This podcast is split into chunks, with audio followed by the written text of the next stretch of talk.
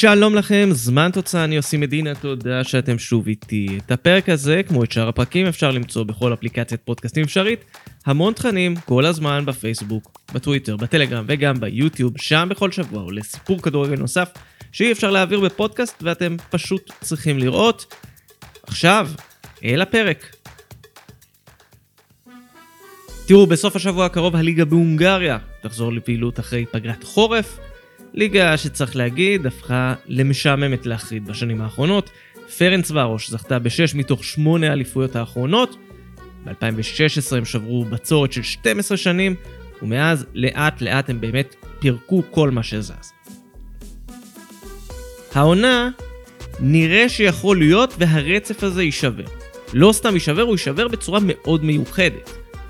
מי שהובילה את הליגה ביציאה לפגרת החורף היא קבוצה קטנה בשם פאקש, היא קבוצה די ותיקה, הוקמה ב-1952, אבל לא התגלגלה יותר מדי פעמים לליגה הבכירה בהונגריה. היא מגיעה מעיר שבאופן מפתיע קוראים לה פאקש, והעיר הזו מפורסמת יותר בגלל דברים אחרים. יש לה אחלה של קבוצת כדורסל, אטומורומו, שזכתה גם בכמה אליפויות הונגריה לאורך השנים. העיר ידועה בתור הבית לתחנת הכוח של פאקש, שהיא תחנת הכוח הגרעינית היחידה בהונגריה, מספקת 40% מהחשמל בהונגריה, מה שגם נותן לקבוצת הכדורגל את הכינוי המופלא אטום צ'אפאט, הקבוצה האטומית.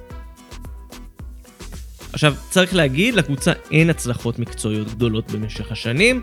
רק בעונת 2005-2006 היא דרסה את הליגה השנייה כל הדרך לעבר עלייה היסטורית לליגה הבכירה. גם במהלך השנים שלה בליגה הראשונה היא לא רשמה הישגים גדולים. יש לה עונה אחת ב-2011 שבה היא סיימה במקום השני, חמש נקודות אחרי האלופה באותה עונה וידאוטון. בעקבות העונה הזו היא גם רשמה את ההופעה היחידה שלה באירופה. קדמות הליגה האירופית בעונת 2011-2012 היא עברה את סנטה קולומה, יקירתנו מאנדורה, את רומסה הנורבגית שדיברנו עליה בפרק 165. את המסע הזה היא סיימה עם הדחה מול הארץ הסקוטית בסיבוב השלישי, גם על הארץ אגב. דיברנו מזמן, פרק 14.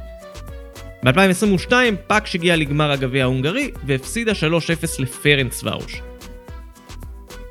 היינו יכולים לסיים את הסיפור כאן, אבל לפאקש יש עוד איזשהו אלמנט מעבר לסיפור של קבוצה קטנה שפתאום פורצת. הקבוצה כמדיניות לא מחתימה זרים. במשרדי המועדון מתנוסס הכינוי הנוסף שלהם, מגר צ'אפת, הקבוצה ההונגרית, זה לא מתוך איזו אידיאולוגיה גדולה סטייל אתלטיק בלבר, בפאקש פשוט מאמינים בפיתוח השחקנים המקומיים. לאורך השנים שיחקו שם גם כמה שמות מוכרים כמו קריסטיאן ליסטש ודניאל בודה, שחקני נבחרת הונגריה בעבר, וגם כאלה שעברו בארץ, למשל פרנס הורוואט ששיחק במכבי תל אביב ואדם רפקה ששיחק בבני יהודה. בשלוש העונות הקודמות מלך השערים של הליגה, שעמוסה בזרים, תמיד היה שחקן הונגרי שמשחק בפאקש. ב-2021 זה היה יאנוש האן שכבש 22 שערים, הוא עדיין משחק בקבוצה.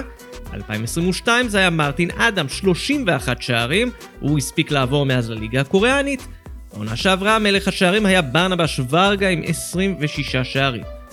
ורגה הוא סיפור סינדרלה מדהים בפני עצמו, עם זימון ראשון לנבחרת בגיל 28, ומאז הוא כבש ארבעה שערים בשבעה משחקים בינלאומיים, בורג משמעותי בהעפלה של הונגריה ליורו 2024.